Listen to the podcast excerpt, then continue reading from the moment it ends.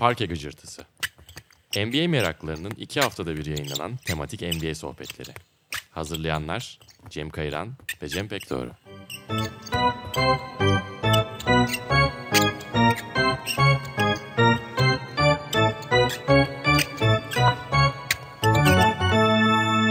Parke Gıcırtısı'ndan herkese merhaba. Ben Cem Kayran. Cem Pekdoğru ile birlikte 5. bölüm konuğumuz Boğaç Soydemir.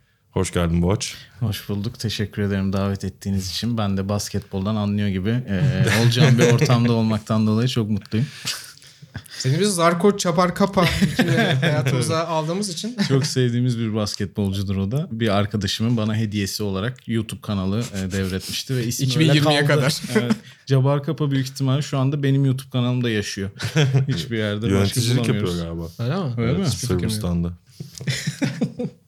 Bu hafta bu hafta deyip duruyorum aslında ama çok haftalık ilerleyemiyoruz. Bu bölümümüzde diyeyim. Süper takımlardan bahsedeceğiz ama sınıfta kalmış, beklentileri karşılayamamış, hayal kırıklığı yaratmış süper takımlar. O yüzden beni çağırdı. Poskokik'in de bir süper takım olduğu söylenebilir ama? Hayal başarılılardan biri. da. Biz de bozduk aynı şekilde. Yani burada aslında tabii şeyi biraz konuşarak başlamak iyi olabilir. Yani süper takım kime göre neye göre süper takım. Burada bahsedeceğimiz takımların çoğu büyük beklentiler yaratmış. Ee, birden fazla yıldız oyuncuyu bir araya getirmiş. Ve hani o sezona girerken belki de başlıca şampiyonluk favorisi olmuş takımlar ama bunu başaramamış takımlar olacak. Aslında çok da geçmişe gittiğimizde örneklerini gördüğümüz bir kavram da değil. Evet aslında burada kuralı değiştiren ve süper takımların daha olağan hale gelmesini sağlayan hareket tabii herkesin bildiği gibi 2010'larda LeBron James'in The Decision'ı ve LeBron James, Dwayne Wade ve Chris Bosh'un bir araya gelmesi oluyor. Ve o günden sonra da artık bu bir başarı formülüne dönüşüyor. Yani özellikle de 2011'de Dallas'a elendikten sonra Miami üst üste şampiyonluklar almaya başladığında her ne kadar LeBron James'in 7 şampiyonluk garantisi gerçeğe dönüşmese de e, bu bir formüle, takip edilen bir formüle dönüşüyor. İşte Golden State, Oklahoma City, Brooklyn konuşacağız bu takımları. Geçmişe baktığımızda aslında yani ben biraz yine bu programdaki görevim gereği 70'leri 80'leri biraz taradım. Ya aslında baktığınızda yani Lakers Celtics rekabetinin o meşhur rekabetin iki tarafında da yani dört tane Hall of Famer'ı görebiliyorsun bir takımda işte. Larry Bird, Kevin McHale'li, Robert Parrish'i, Dave Covens'ı. Ama o yıllarda daha önce Orkun'un konuk oldu galiba. İlk bölümümüzde biraz bahsetmiştik. Yani gerçekten Lakers ve Celtics front office olarak da çok daha akil adamların yönettiği, ligdeki hani dengelerin çok çok tartışmalı olduğu ve gerçekten hani o programda da hatırlıyorsun sürekli Red Auerbach'in işte Pat Riley ve Jerry Buss'ın attığı kazıklar üzerinden bir liste yapmıştık. Yani zenginin çok zengin, fakirin çok fakir olduğu yıllar ve zaten 22-23 takımlı bir lig var. Yani zaten hani yeteneğin dağılmasında illaki o büyük oyuncuların bazıları bir araya geliyordu. Ama mesela ben 98-99'daki benim için NBA'yi böyle baştan sona takip ettiğim ilk sezon, o kısa sezon, lockout sezonu. Orada düşünüyorum mesela e, ligdeki yetenek fakirliği öyle bir noktada ki Jordan sonrasında 30 takım var o zaman ve belki 20 tane franchise player var. Aslında franchise player tabiri biraz böyle 30 takım 30 franchise player matematiği basit matematik üzerinden çıkmıştır ama mesela bakıyorum hani iki tane süper yıldız olan takım işte Kobe ile Shaq var. Tim Duncan'la David Robinson var. Ki orada da Tim Duncan almak için Spurs bir sezon David Robinson'ı yatırmıştır. Lotaryaya yatmıştı o sakatlık sezonunda hep eleştiri alır.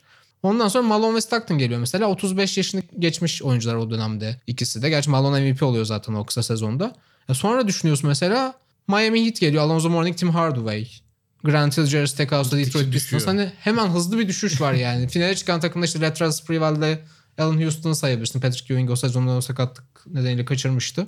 Ciddi bir yetenek erimesi var. Bugün baktığında gerçekten ligde belki 30 takım yani hep Kaan abi falan da söylüyor. O anlamda inanılmaz bir dönem geçiriyoruz. Yani 30 takıma düşen belki 45 tane franchise player olunca e, doğal olarak bunlar üçlü ikili kombinasyonlar 2010 sonrasındaki o düsturun da değişmesiyle e, daha fazla süper takım görüyoruz. Ama hani bunun tarihinin, bunun miladını 2010 The Decision'a da koyabiliriz ama orijinal süper takım olarak düşündüğümüz galiba hepimizin başka bir takım var. Evet ona geçmeden önce aslında şeyi sormak istiyorum. Yani ben çok antipatik buluyorum genel olarak süper takımları. Yani bir süper takım oluştuğu zaman başarısız olmasını izlemek istiyorum zaten daha çok. Herkes de var o galiba. Almanlar bunun için bir kelime üretmişler adı da Schadenfreude'ymiş değil mi? Yani mesela Golden State'in ilk şampiyonluğun ne kadar keyif verdiyse KD sonrası dönem o kadar iticiydi benim için mesela hani izlemesi. Hani bu öyle bir şey ve hani o bahsettiğin örnek hani 2004 dediğimiz Los Angeles Lakers'ın zaten iddialı olan kadrosuna Karl Malone ve Gary Payton'ı kariyerinin sonlarında yüzük sevdasıyla kattı. Bir de galiba o oluşma sürecinde bir antipati oluşuyor. Ben Evet. işte Wade'i aradım.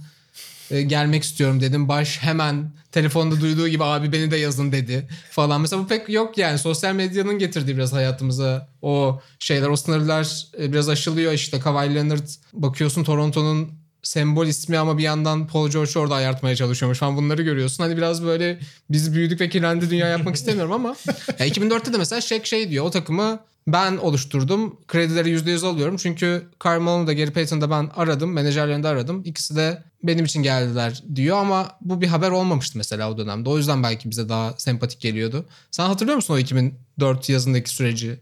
Yani o kadar net detaylarıyla hatırlamıyorum ama ben işin öbür tarafını çok keyifle seyrettim. Çünkü aynı düsturla izliyorum ben de. Yani süper teamlerin başarısız olması bana daha çok keyif veriyor. Biraz aslında kontrolün oyunculara geçmesini de gösterdi o Evet, 2010'lu kesinlikle. yıllarda. Yani e, şu anda mesela bu Kawhi'nin e, örneğinde de çok net gördük. Yani tamamen adam genel menajerlik yaptı aslında bu yaz. Yani. Tam onu söyleyecektim. Genel menajerliği oyuncular artık Evet. üstlenmeye başlıyor. Hala şeyler çıkıyor işte Lakers'tan şunları talep etti bunları talep Evet. etti falan gibi. 2004 yazı dedim tabii de yanlış söyledim. 2003, 2003 yazında yazı. bir araya geliyor. 2004 sezonunda noktalanıyor. Orada da aslında evet.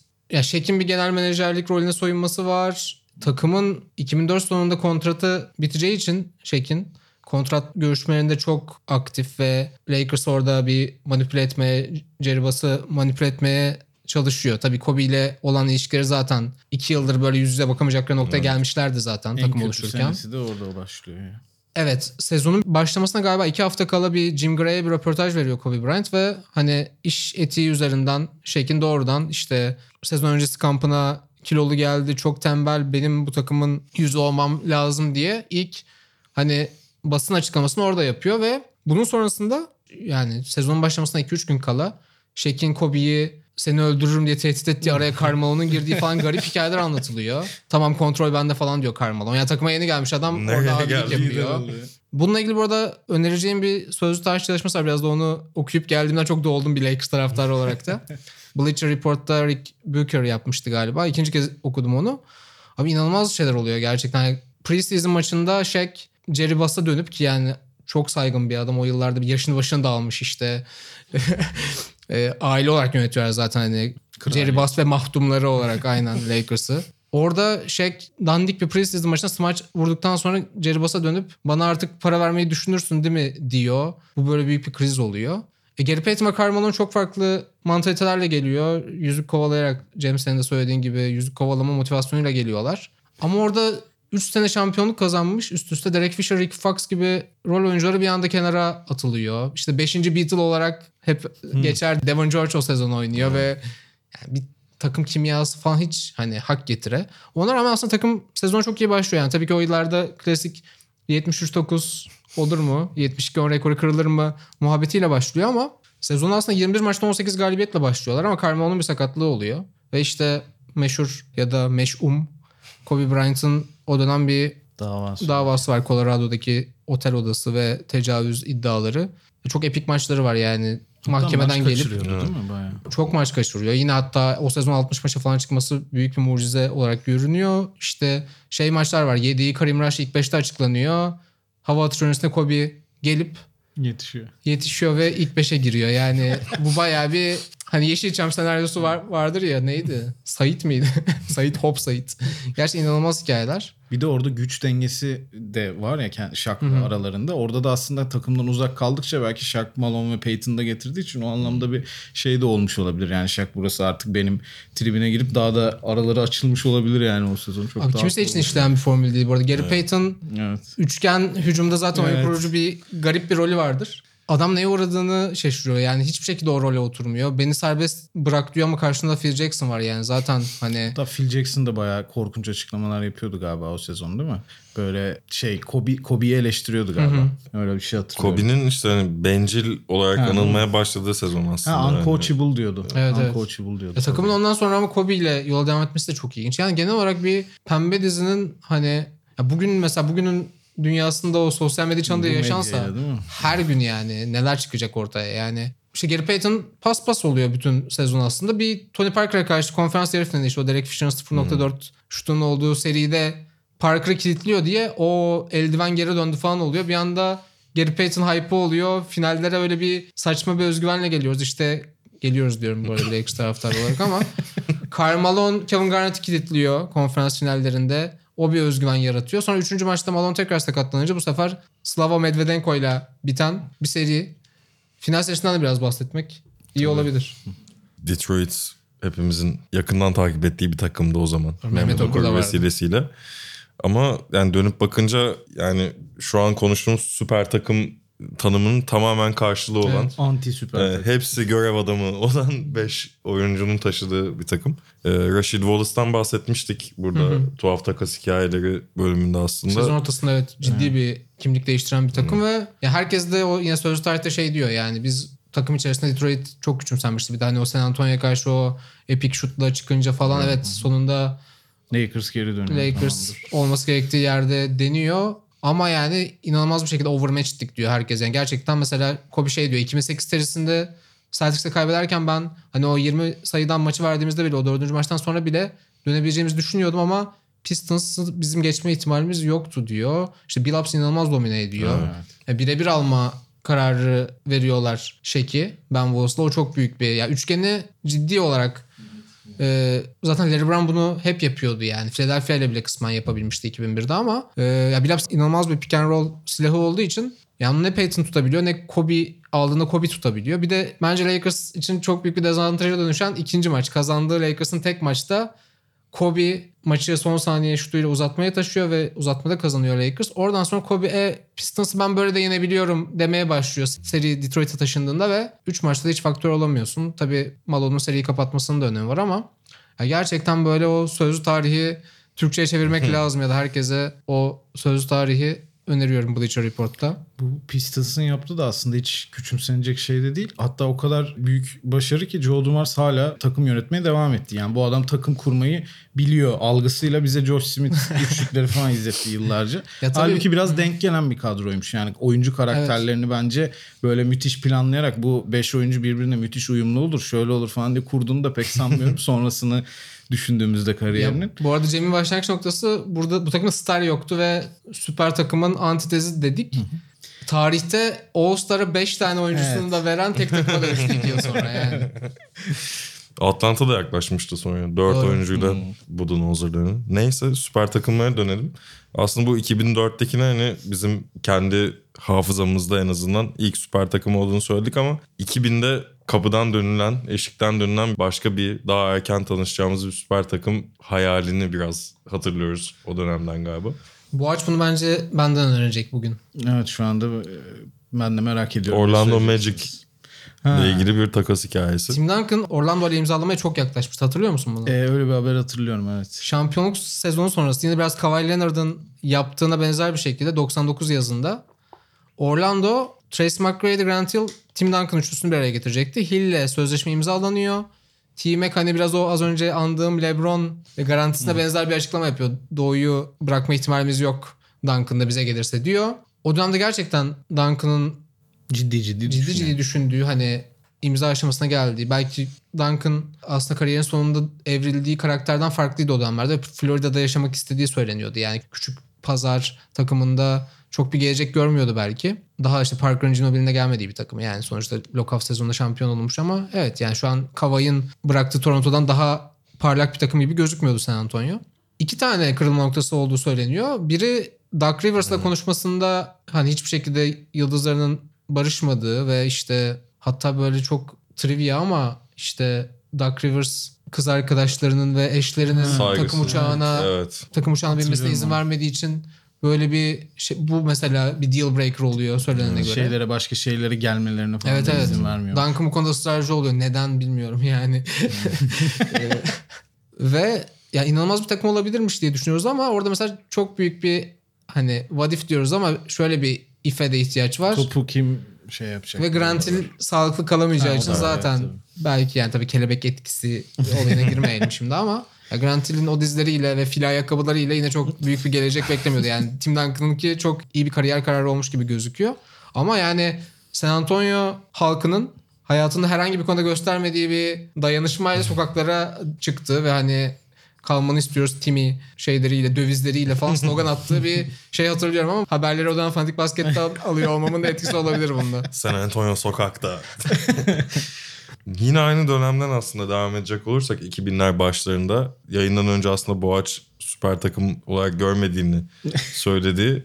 Haklı da aslında yani hani öyle kağıt üstüne o kadar çılgın bir ekip gibi gözükmese de 2001-2002 Sacramento Kings hakkı yenilen Sacramento Ya- Kings. Yani aslında şey için söyledim ben de onu. Hani bu süper takım e, şeyini 2010'u baz alırsak birazcık hani farklı şekilde kurulmuş ve farklı profilden. Biraz belki daha Detroit'e yaklaştırabileceğimiz e, bir takım daha görev adamlarıyla dolu. O açıdan söylemiştim ama ben tabii o dönem Hidayet'ten de dolayı çok yakından takip ediyordum.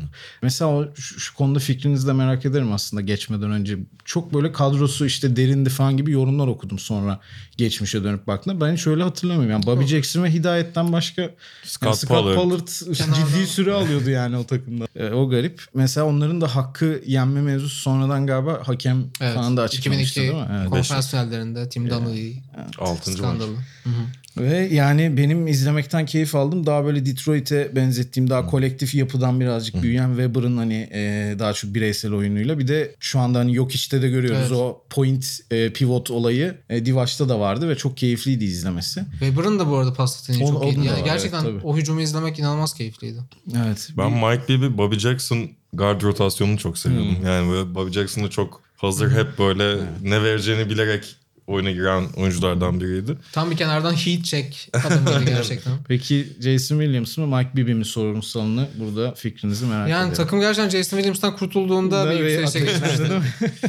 ben de Mike Bibby'yi daha çok böyle daha işini yapan daha şey bir guard olarak. Ya o yani doğru bir tercih olduğu kesinlikle. gözüktü Evet. zaten tabii de. Mike Bibby yakın zamanda gördünüz mü hiç Yok, fotoğrafını? görmedim. İnanılmaz bir vücut yapmış halde. Harbiden. Böyle biraz yani böyle patlamak üzere gibi gözüküyor şu an.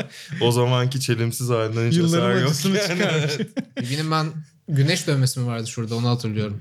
Bir de Doug Christie vardı. Doug Doug, Christie. Christie de İşte o bu savunmacı Evet. Tayshaun Prince rolündeydi. Evet, o. aynen öyle ve hani benim çok sevdiğim bir oyuncuydu. Böyle e, direkt rakibi kitleyen, e, f- sinirini bozan guard dediğimiz o sonradan Ron Artest'te falan da benzerini görebileceğimiz. Şu açıdan çok şanslıyız. Yani Çaylak Hidayet'in gittiği takım buydu. Ve bunu her hafta Sacramento maçını alıyordu kanalda ve izliyorduk. Yani şu anda mesela Cedi Osman için izlemek zorunda kaldığımız Cleveland'da var. Gerçi o da Çaylak sezonu Lebron'la geçirdi ama.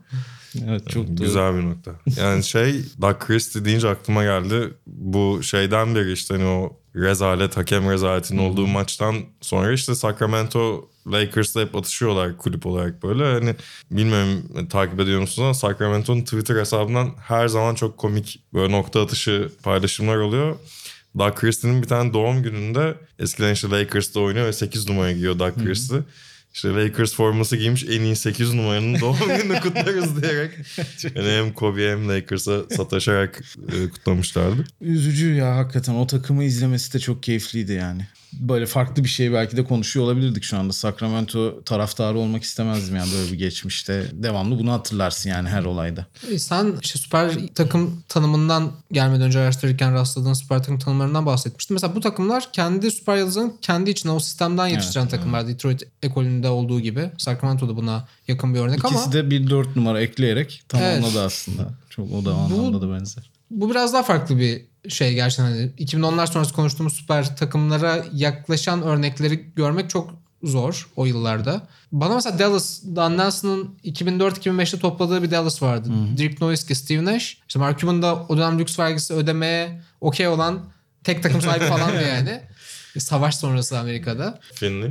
İşte Michael Finley de takımdaydı. Antoine Jameson ve Evet. Antoine Walker birlikte getirmişti. Saçma sapan 5 numaraları overpay etmişti. 5 numara bulmak zordu Shaq'in karşısında bulacak. 6 faul olarak bile baksan değerli bir şeydi. İşte Eric Dampier'lar Evet. sonra Danny Forston'u getirmişti galiba bir dönem. Brandon Haywood.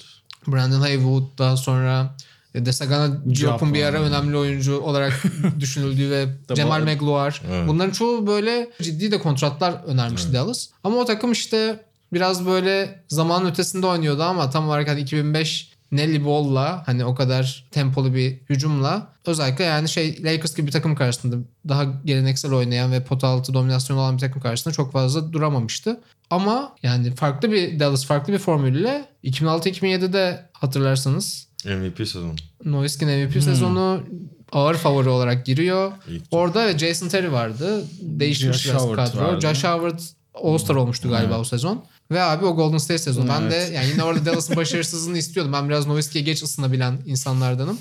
Ve Baron Davis hastası olduğum bir oyuncuydu. O seri benim için çok özeldir. O kadro da yani Golden State'in o dönem kadrosu da mesela baktığın zaman bir sürü belalı adamla şeyle dolu yani. Bu arada Hiç o tak- beklemeyeceğim bir şey aslında. O takım koçu Dan Nelson. Yani aslında Dallas'ta başarısız olan Evet. şeyi Dallas'a Hatta karşı kullanıyor. Avery Johnson da yardımcısıydı Evet, galiba. asistanına karşı o zaferi elde ediyor ama orada benim yine yani Dirk'i sevmeye de başladıkça daha canımı acıtan şey adam MVP ödülünü aldığında Elenmiş. sezonu Evet, bitmişti. çok elenmişti. Onu değiştirdi daha sonra NBA galiba. Bunu biraz Evet. daha öne çekmeye başladı. Yani Dirk Nowitzki O olaydan istisnası olarak aynen. Doğru onun fotoğrafı falan da vardı hatta değil mi? Böyle üzücü bir Aynen evet. bayağı Evet. sönük bir tören Evet, bayağı evet, yani niye Yaptığı açıklamada da böyle çok şeydi. Çok depresif bir ödül konuşması yapıyordu. Orada ama herhalde kariyerinin de en kötü serisini falan geçirdi galiba Doğru. Nowitzki. Yani biraz orada savunması da Golden State'in etkiliydi de. Ee, bir de small ball oynayan böyle ilk takımlardan biriydi aslında. Jabbar Kapı o mi? takımda mıydı o sene? Ee, orada oynadı Golden da o sene, ilk sene miydi? oynadı. Olabilir. O aralarda lazım. Olabilir. Ya Kenarda. öncesinde ya o sene de vardı belki. Bench'te aramamız lazım. Jason Terry de çok kötü oynamıştı diye hatırlıyorum. Hatta bir Terry Nowitzki gerginliği mi olmuştu? Sahada öyle bir şey hatırlıyorum o sezonda. Ama yani o takımın sonunda Dirk'e 2011'de bir şampiyonluk kazandırması da şu an çok- Terry'nin dövmesi sayesinde gelen şampiyonluk. Bir de Dampier'ı falan böyle kenara almıştı. Ha bunlar kısa çıkıyor. Ben de kısa çekeyim diye. Avery Johnson. diye. Evet. O da mesela ilk maçı kaybetmelerine sebep olmuştu. Yani karşılık verememişlerdi onların dinamizmine. Sonrasında da işte o savunmayla falan gerçekten tarihe geçen olumsuz anlamda bir sezonu bıraktı yani. 2010'lara henüz gelemedik. Biraz vaktimiz de azalıyor aslında. Ama bu dönemde yine değinmemiz herhalde gereken yine biraz daha doğal yollarla bir araya gelmiş diyebileceğimiz D'Antoni'li Phoenix Suns. 2004-2005 dönemi işte ilk Seven Seconds Orlas'ın e, piyasaya sürüldüğü diyeyim. o takım zaten hani ara sıra andığımız ve çok sevdiğimiz bir takım. Devrim Daha takım. sonra hani Shaquille O'Neal hamlesi aslında biraz o rüzgarı kıran hamle oluyor. Onun Bir de o nasıl yapan meşhur- Steve Kerr hatta değil mi? Genel menajeri Steve Kerr'di o Evet zaman öyleydi. Bir de o meşhur Spurs serisi hani hep Evet. Seven Seconds'ı işte hızlı hücumu ironik bir şekilde Suns'ta bitiren adamın kör olması sonra da Warriors'ta tekrar onu şey alması da enteresan hakikaten. Ya o takımda Nash, Marion ve Amare üçlüsü üzerinden bir Big Three iddiası taşıyabilir ama orada da işte çok iyi yan parçalar vardı. O Leandro Barbosa, Boris Jim Diaw, Jackson. Bunlar bir dönem. Richardson. Joe Johnson vardı bir ara. Bir de sonra galiba şeyde Boris Diaw Boris ve Rajabelli e, Evet. bir sene sonra mı iki sene sonra mı o kadroyla bu şeyde playoff'ta şeyle eleniyorlar ya cezalı oluyor Diaw'lar acaba. Spurs Mesela o serisi. çok üzücü hakikaten. Yani o takımın bir şampiyonluğu olmaması bu kadar devrim e, niteliğinde bir değişiklikle. bir benim sezonu çok da Amare'nin şey. sakatlığı nedeniyle kaybediyorlar. Evet. Yine. D'Antoni'nin hala olmaması yani ki Evet değil mi? bir daha kulaklarını çınlatacağız aslında hazır değinmişken bence geçebiliriz de. İkinci Lakers e, hayal kırıklığı süper takımı diye uzun bir tamlama yaptım. E, 2012-2013 yine bir yüzük kovalama. E, Steve Nash az önce bahsettiğimiz gibi. Yani 37-38 yaşında olduğu dönemde artık son Bacaklarının da Anladım. 52 yaşında. Ve aslında yanında gelen diğer isim de gerçek bir süperstar konumunda olan savunmada yani şu an o dönem NBA'in bir numarası olan Dwight Howard, Kobe Bryant, Pau Gasol, Ron Artest. Hani böyle bir kadro kağıt üstünde ne kadar iyi gözüküyorsa sahada tam tersini sundular. Lakers'ın iki hikayesinin özeti de aslında biraz bu takım içi e, tartışmalar gibi herhalde. Bu, bu yılda da çok olmuştu çünkü. Ya yine Dwight aslında- arası Kobe- bozulmuştu bayağı. Tabii tabii çok. Ya hatta şeydi işte o zaman sosyal medya hayatımıza girmişti ve e, Kobe Dwight Howard'ı alaya alan bir Twitter paylaşımı yapıyor. Bunu D'Antoni'nin de olduğu bir ortamda birlikte görüyorlar. Orada yine Dwight Howard'ın bir hold me back anı gerçekten Kobe'nin üzerine yürüyecekken insanlar araya giriyor durumları var. Ama yine şöyle bir ortaklık da var 2004 takımıyla. Hani takım içi anlaşmazlıklar ve ego çatışmalarının yanında yine sakatlıklar çok Evet, etkili oluyor. Dwight Howard bence 2009'du değil mi Derrick Rose'un aldığı MVP sezon. Bence o sezon MVP olması gereken oyuncu oydu. Ve Lakers'a geldiğinde de o, yani öyle bir düşüş yaşamamıştı. Ama önce bir sezona zaten sırt ameliyatıyla başlıyor. O mobilitesini çok kaybetmesine yol açıyor. Bir de sonra ciddi bir omuz sakatlığı yaşıyor. Bu arada o sezona Mike Brown'la başlıyor Lakers. Evet o, o karar da mesela aslında. Beşinci Evet. maçtan sonra. şey. Yani- Ve yani bü- bü- herhalde dünya üzerinde daha radikal bir hücum değişikliği yoktur. Evet. Yani Mike Brown'un şeyinden e, Mike D'Antoni'ye D'Antoni. geçiş yapmak. Ya Mike Brown Ve hatta- Nash de yok bu arada. Yani sakat falan. Mike Brown hatta Princeton Offense oynatmak gibi bir şey var o sezon. Hatta bir sezon önce bunun şeylerine başlıyor, başlıyor. Çok hani oturması çok uzun zaman alan bir. Daha çok üniversitede bir Evet. kullanılan bir hücum. Bir de Hatta o takım preseason'da 8 maç oynayıp 8'ini de kaybetmiş. Ee, o kadronun ilk şeyi. Sonra sezonda da 4-1 mağlub Dört. yani 1 galibiyet 4 mağlubiyetle başlıyorlar. Sonra mı kovuyorlar? Sonra 5 maçta. evet, yine de 5. maçta yani sen diyorsun Çok ki evet, Süper Lig ya. gibi. E, geçtiğimiz yıl Princeton Offense'i kullanamadık çünkü lockout sezonuydu. İnsanlar geç toplandı diyorsun. Covid'e Princeton Offense'i destekleyen açıklamalar yapıyor. İşte Eddie Jordan'ı getiriyorlar asistan olarak. Daha önce Washington'da Princeton oynatmış. İşte bu Jameson, Arenas Butler'lı yine tırnak içinde süper takım olabilecek bir süper arıza bir takım. Süper. Onu getiriyorsun o kadar yatırım yaptıktan sonra 5. maçta gerçekten Süper Lig hareketi ve D'Antoni'yi Evet getiriyorsun. D'Antoni de tempoyu önce artırıyor. Ya çok bu arada önce Phil Jackson'a gidiyorlar. Hani bu takıma üçgen oynatmak hani hiç olacak iş değil deyip hani daha cevabını beklemeden yan taraftan D'Antoni ile konuşmaya başlıyor ki bu arada e, o dönem Lakers'ın damadı Phil Jackson biliyorsunuz. Evet. Gene Boss'la evli. Ama bence ya üçgen gerçekten hiç olmazdı. Ama D'Antoni geldiğinde de yine bu Howard'ın mobilitesini kaybetmesinden dolayı bir 15-20 maç sonra tempoyu aşağı çekiyor. Zaten hani hücum prensiplerinden taviz veriyor ki Nash de dediğim gibi Nash'in Evet. bacakları da bambaşka bir noktada. Yani o sezon unutmak istediğim bir sezon. 2004'te belki bir şeyler olabilirdi diyorsun. Hani Karl Malone sakatlanmasa o takım yine bir araya çünkü abi Bir de Pistons çok özel bir vakaydı. Evet. yani. Başka Evet, birisi evet. olsa kazanırlardı yani. Ya bir de Shaq ve Kobe evet yani inanılmaz bir arada artık var olamayacak noktaya gelmişlerdi. O kontrat sürecinde de artık franchise bir karar vermek durumundaydı ama ya 8 yılda bir arada kaldı birbirinden nefret eden iki oyuncu olarak. Yani bilemiyorum. Bu Lakers takımı 45-37 bitiriyor sezonu. Önlerinde Golden State var bir süre üstte. iki galibiyet fazlası olan. Bu takımı taşıyan oyuncular Monte Ellis ve David Lee bu arada hani Golden State'i. E, İlk turda da San Antonio Spurs'a süpürülüyorlar 4-0. Talihsiz. Bir sene sonra ikinci takımımız geliyor aslında 2010'lardaki başarısız süper takımlar arasında. Ders almamış olmaları gerek bu hamleden. Ee, Brooklyn Nets yani çok konuşulan bir şey tabii ki de. Yani bir kurdukları takımdaki oyuncuları bir saymak istiyorum. Tabii. Brook Lopez zaten takımdaydı. Darren Williams zaten takımın yıldız oyuncusuydu. Üstüne gelen parçalar Paul Pierce, KG, Joe Johnson orada mıydı zaten? Tam. Gelmişti o da sanki. Atlanta'dan o yaz. Jason Terry, Sean Livingston ve Andrei Kirilenko. Yani böyle bir hani hep ilk 5'te 3 oyuncu falan saydığımız bir düzlemde burada 7-8 oyuncuya kadar giden bir yıldız havuzu. Tarihin en kötü takası diyebileceğimiz. Evet. Geleceğini beş senesini yatırdığım. falan e, şu anda anca toparladılar Evet, bu yani sene Jared. Allen ilk kalburüstü draftları oldu ondan Evet. sonra yaptıkları işte ki 35 yaşının üstündeki Paul Pierce KG paketine aslında verdikleri haklar şu anki Boston takımı oldu. Hani Marcus aynen Smart. Jalen Brown, Jason Tatum. Ki onu bilerek yaptı aslında Billy King. Direkt hani e, geleceği ipotek ediyoruz ona göre falan diye uyarmıştır büyük ihtimalle başkanı. Sorun değil satacağım zaten falan dedi artık nedir. Ama korkunç bir takas Ya gerçekten. şey fikri var tabii ki. Ya bu takası yaparken verdikleri draft haklarının çok kıymetli olmayacağını düşünüyorlar bir yandan. Evet, hani birkaç sene domine edecek bir takım kurdukları inancındalar. Bu takım hakkında Paul Pierce'ın falan hep şey açıklamaları oluyordu hani kimse ne yaptığının farkında değildi, kimse istemiyordu. Hani biz Kevin'la sürekli birilerini silkeliyorduk falan filan gibi açıklamaları var. Ee, Takımın liderinin kim olduğu da belli, Belli olmayan. Yani Brook Lopez aldı gibi onu hani performansıyla sonra sakatlandı falan. Ee, kimin hani çevresinde şekillendiği Darren Williams mı işte KG Pierce mı o anlamda da sağ içerisinde de Darren Williams ve Joe Johnson ISO yapıyor. Ee, diğer takım işte o sırada sağda olanlar kendi aralarında başka bir hücum planı oynuyorlar gibi böyle bir dağınık bir durum vardı. Ya Darren de çok hızlı bir düşüşe geçmişti ama yani Evet. Pierce ve KG'nin yaş olarak zaten bekliyordun da. Çok önceden geçti. Ama zaten. evet, ya o sezona girerken yine de hani NBA'in en iyi birkaç oyun kurucusundan biri sonuçta. Evet. Darren Evet yani. Yine de işte 44-38 bitiriyorlar seneyi. Miami'ye yeniliyorlar sonra da konferans yarı finalinde. Ve kısa sürüyor. Sonrasında patır patır dağılıyor her parça zaten. Doğal olarak zaten 35 yaşında olduğu için.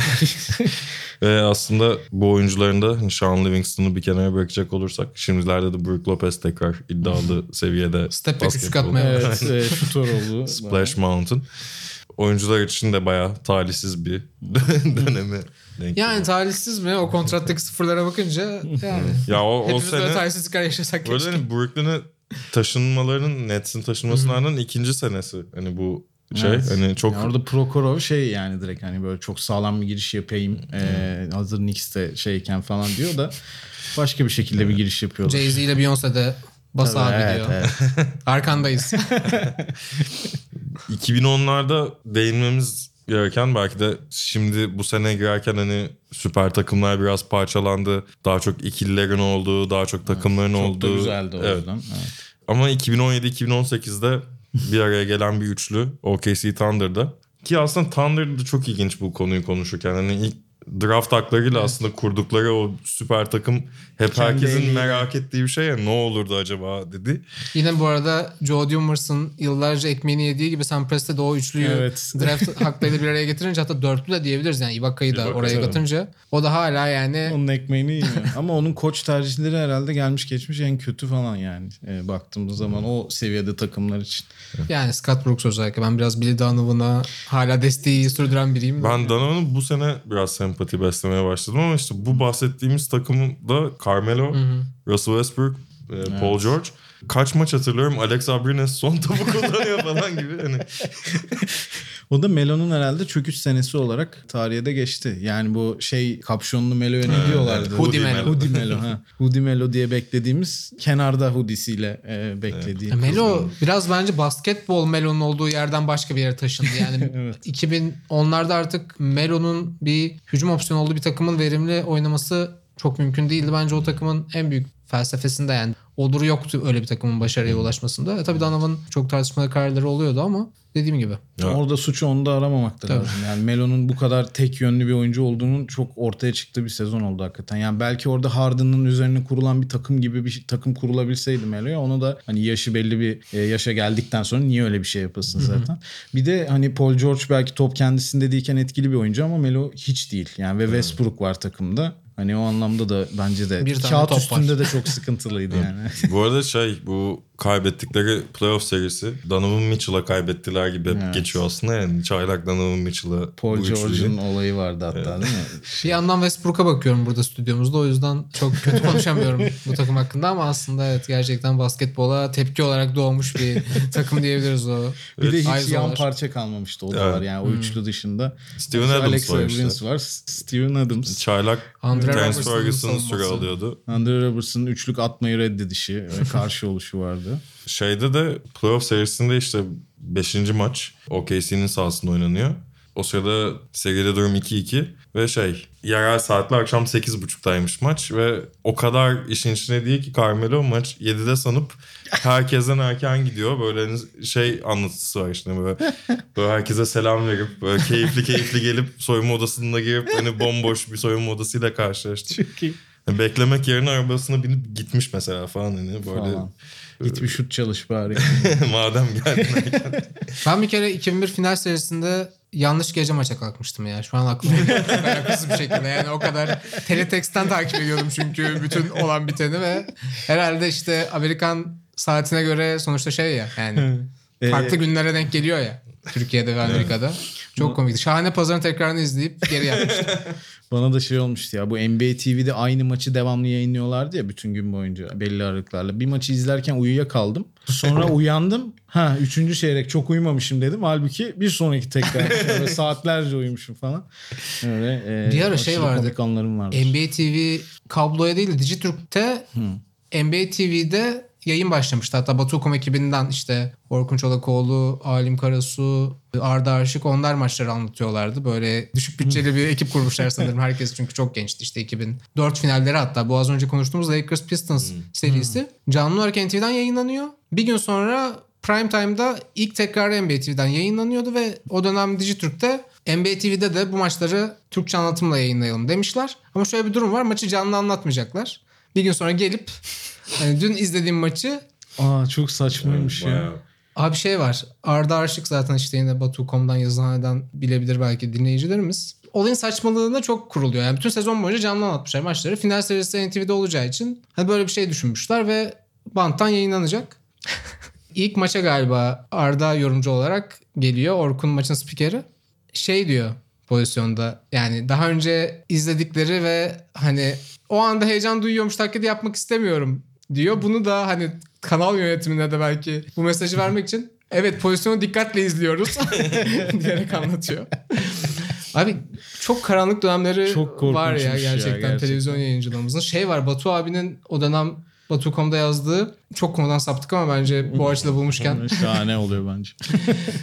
senin az önce söylediğin gibi sürekli tekrar eden bir yayın var ve işte gece 3'te ilk döngü başlıyor. Sabah 8'de sona eriyor. Yani o dönem şey düşünüyorlar. Son maç zaten 5.30 Pasifik'te oynanan maç. Bu 7.30'da sona erer. Hani şeyleriyle maç sonu yayınıyla falan. 8'de de diğer döngüyü başlatabiliriz diye. Tabii ki NBA TV için kablolu yayındaki bir şey için birini orada çalıştırmıyorlar. Hani gece adam basıyor yani şeye Tabii canım. akıyor.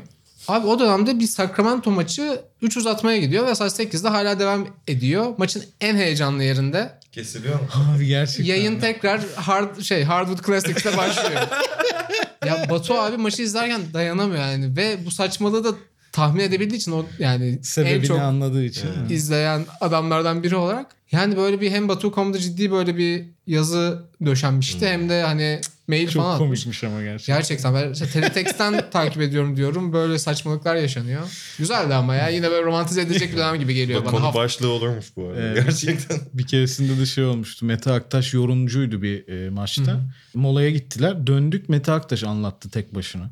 Herhalde bir şey oldu. Bir e, su, su ihtiyacı mı oldu artık? Tuvalet için ama bayağı uzun süre bir buçuk dakika anlatmaya çalıştı böyle. Yorulmuştu bayağı. Onu da hatırlıyorum. O da güzeldi. Programı kapatmadan önce isterseniz şu anki NBA'den gelecekte bu tür bir başlıkta anabileceğimiz bir takım tahminim var. Bununla ilgili yorumlarınızı alayım.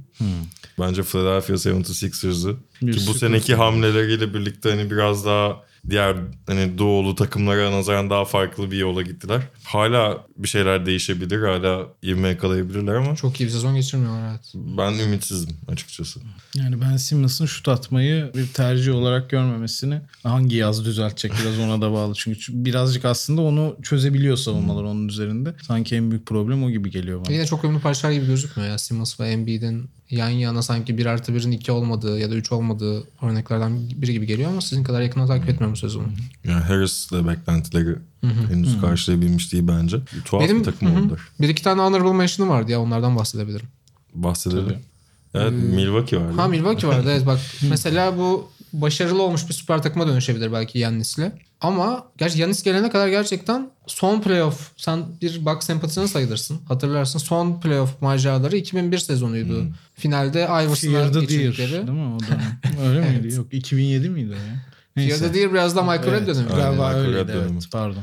2001'de onların Ray Allen, Sam Cassell ve Glenn Robinson'ı yanlışlıkla bir araya getirmek gibi bir e, şeyleri var. Yani gerçekten arkasında ben bir genel menajerlik dehası olduğunu düşünmüyorum. Başlarında da zaten George Karl. George Karl'ı getiriyorlar. George Karl Ray Allen'ı çekemiyor. Yani asla ona sorumluluk vermek konusunda çekinceleri var hep. Ve zaten sonunda takas edin bunu noktasına geliyor ve Gary Payton'ı eski öğrencisi Seattle'dan. Gary Payton da emeklilik yaşları işte Yüzükten önceki son çıkış noktalarındaki yıllar. Zaten 28 maçlık bir kariyeri oluyor Milwaukee ile. Ama o üçlü çok keyifliydi. Yani 4-5'ten çok bir şey almıyorlardı. Hücumda 4-5'te pis işleri yapan ağır işçiler vardı. Yani Scott Williams vardı. Bench'ten Tim Thomas Tim geliyor. Thomas o sezon evet biraz o Josh Howard gibi Evet. bir patlama sezonu geçirmişti. Ve yani izlemesi çok keyifli bir takım. Hücum potansiyeli çok sınırsızdı. Sam Cassell sonra benzer bir üçlüye Minnesota'da girdi.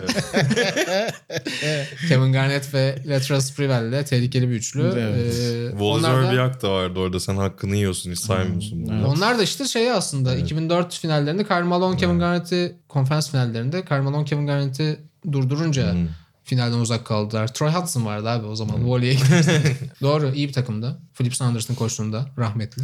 Bu arada hani başarılı oldular ama gerçekten overrated bulduğum bir süper takım. Şimdi Kevin Garnett deyince geldi aklıma. Boston Celtics Tek şampiyonlukla. tek şampiyonluk ve hani çok fazla şey yapıyorlar ya bunu. Hani o dönem hep konuşuluyor ya hani iyisiyle kötüsüyle. Hani diğer takımlar bu kadar geçmiş şeylerini o kadar abartmıyorlar hiçbir zaman yani. O biraz Celtics e, olmasından kaynaklı olabilir. Ben de biraz Celtics'e yakın sevdiğim bir e, takımdır kendisi. Mesela Pierce'ın en azından orada bir Evet. şampiyonluk görmesi benim için hani sevindirici bir şey Tekerlek sandalyede kutladığı şampiyon. Evet devre arasında kaka yaptı. Ee, sonradan bunu yıllar seneler sonra açıklaması Evet, çok çok komik iyi. değil mi ya? Müthiş bir şey. Herkes tahmin ediyordu ama zaten. Ben de o dönem tahmin etmiştim. Çok yakın e, bulduğum bir konu kendisine. Ya Boston medyasının çok başıma geldi. çekilmez olduğu anlar hani o takım evet tam olarak potansiyelini gerçekleyemeyen bir takımdı. Tek şampiyonluk biraz az oldu. Bir tane final kaybettiler 2010'da Ron Artest'te 7. maçta. Ee, ama işte özellikle 2009 için 2011 için işte yok Rondo sakatlandı Perkins sakatlanmasa götürmüştük abi ligi falan gibi yani. Ha, Perkins sakatlanmazsa ligi götürmüştük abi gibi bir cümle demek istemiyorum ben.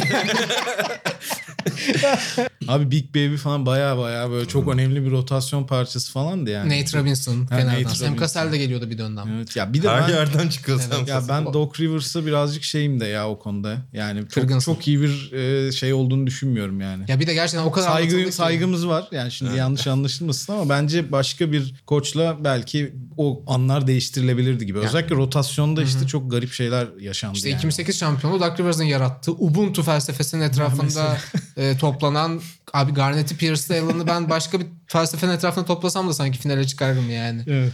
Tabii başka Dark Rivers takımı anmadık. Yine 2010'lardan aslında Clippers. Yani süper takım. Yanlışlıkla olan o da. Evet. Ee, David Stern'ın yarattığı Doğru. bir süper takım. Chris Paul'un Evet, vetosuyla. Vetosunu yaparak. Şeyi gördüm geçenlerde DeAndre Jordan ve Blake Griffin. Blake Griffin'in çaylak sezonu galiba işte. Sonunda Chris Paul takası oluyor. Ve işte telefon geliyor. DeAndre Jordan'a işte şey Chris Paul takas edildi şeyi. Havaya uçuyorlar. Zıplıyorlar işte. zıplıyorlar. orada işte Lob e, City Lob başlıyor. City ilk orada duyuluyor falan galiba. Ya o takımın herhalde en büyük başarısı DeAndre Jordan'ın All-Star olması. Yani dünya üzerinde asla beklenmeyecek bir şeyi başardı yani o anlamda. Ya ben dün bakınca yani bu liste siteleri zaten çağımızın vebası gibi de yani. yani Clippers'ın Chris Paul, Blake Griffin, DeAndre Jordan gibi 3 süper yıldızı bir araya getirmesi. Abi yani tam DeAndre Jordan'ın NBA'in gittiği yerde çember savunucusu önemli vesaire ama yani Süperstar da değil yani. değil abi. Değil tabii canım. Yani gerçi çok iyi reboundçu vesaire hani böyle istatistik baktığın zaman okey ama evet. O da ilginç takımdı.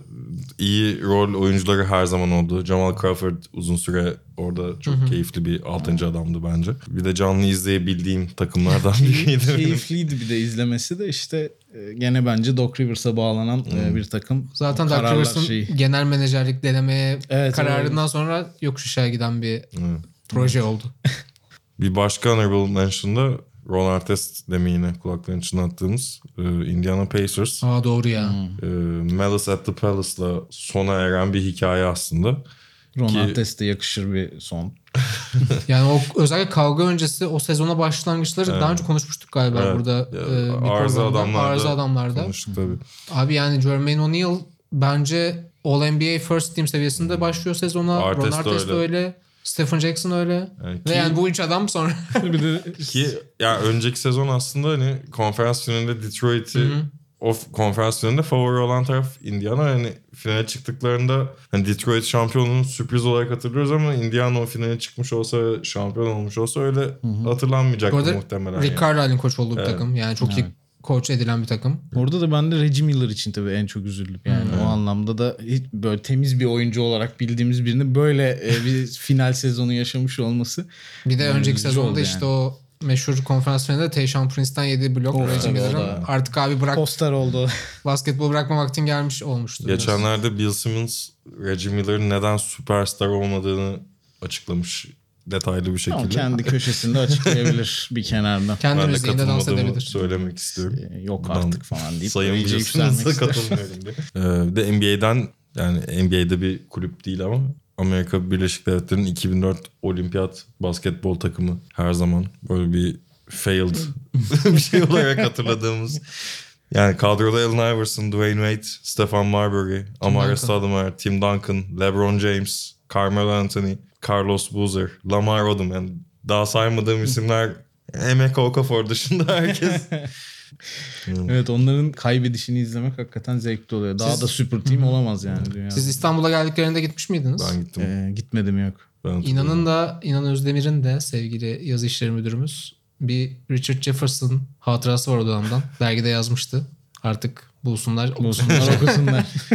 Ya ben o zaman şey hatırlıyorum. Ben de işte kulüpte falan oynadığım zaman hani şey geliyordu. Maçtan önce hani top toplayıcı çocuk olmak işte şut atan NBA oyuncularına pas vermek falan filan. Ve çok katı kurallar vardı işte oyuncuyla göz teması kurmayacaksın falan gibi Vallahi. neredeyse. ya. Hani kesinlikle konuşmayacaksın falan gibi. Ben de istememiştim o yüzden. Ne anlamı o zaman demiş. Ben 2005 Milan Liverpool finalinde şemsiye tutma göreviyle protokol tribündeydim. Yağmur yağmayacağı anlaşılınca bizi salmışlardı ve böyle yok yani arkada dolaşan çocuklar Maldini'nin golünü görememiştim o yüzden hatta. Ha yani. bayağı izlemenize de izin vermediler yani. Yok izlememize izin verdiler de bizi salınca biz böyle Ha, dur. Liverpool'larla mı izlesek Milan'larla mı izlesek böyle her yere girip çıkabiliyoruz. ha, böyle güzel bir kartımız var. Hani free pass. Oralarda ben Olimpiyat Stadı'nın arka koridorlarındayken Maldini'nin golünü fark ettim. Biraz tabii United taraftarı olarak Milanlılarla izlemek istiyordum. Ama hoş bitmediğini söyleyebilirim gecenin. Bu sene de İstanbul'da değil mi final? Evet. Parke gıcırtısı farklı sporları da kabul ettiği yeni sezonunda. Haftaya curling konuşacağımız yeni bölümümüzde. Ee, çok teşekkürler Boğaç. Ben teşekkür oldun. ederim. Teşekkür Çok ederiz geldiğin için. sağ olun. Bayağı aslında bu kadar fazla takıma değinebilir miyiz? Ben çok kestiremiyordum. Güzel bir e, şeyimiz oldu. Kapsamlı Evet. değindiğimizi düşünüyorum. Genelde galiba süper takımlar başarılı olmuş. Bu anlama mı geliyor bu? Yani Gerçi çok bence tam konuştuk. tersi ya. Evet. Başarısız konuştuk işte. Genelde evet. başarısız olmuş. Yok sığdırabildik diye dedim ama çok fazla takım Ama konuştuk. başarı nedir onu da tartışmak lazım. İkinci bölüm başlıyor. E, şampiyonluğu kıstas alıyorsan her sene bir takım Tabii. başarılı sayılıyor zaten. Bu arada ben de size teşekkür etmek istiyorum. Ee, daha çok geçmişe hakim NBA hayranları olarak e, böyle bir günümüzü çok takip edemesek de dinleyebildiğimiz keyifli bir podcast olarak efendim çok teşekkür Yaşlı ederim. olduğunu kibarsınız. hatırlattığımız Yaşlıyım. için Evet aynen. teşekkür ettim bize. Bir sonraki bölümümüzde başka bir konukla burada olacağız. Konu önerilerinizi de Twitter'dan Bantmag hesabına veya Sokrates Podcast hesabına atabilirsiniz. Biraz da böyle interaktif olalım diye. Ee, teşekkürler dinlediğiniz için. Hoşçakalın.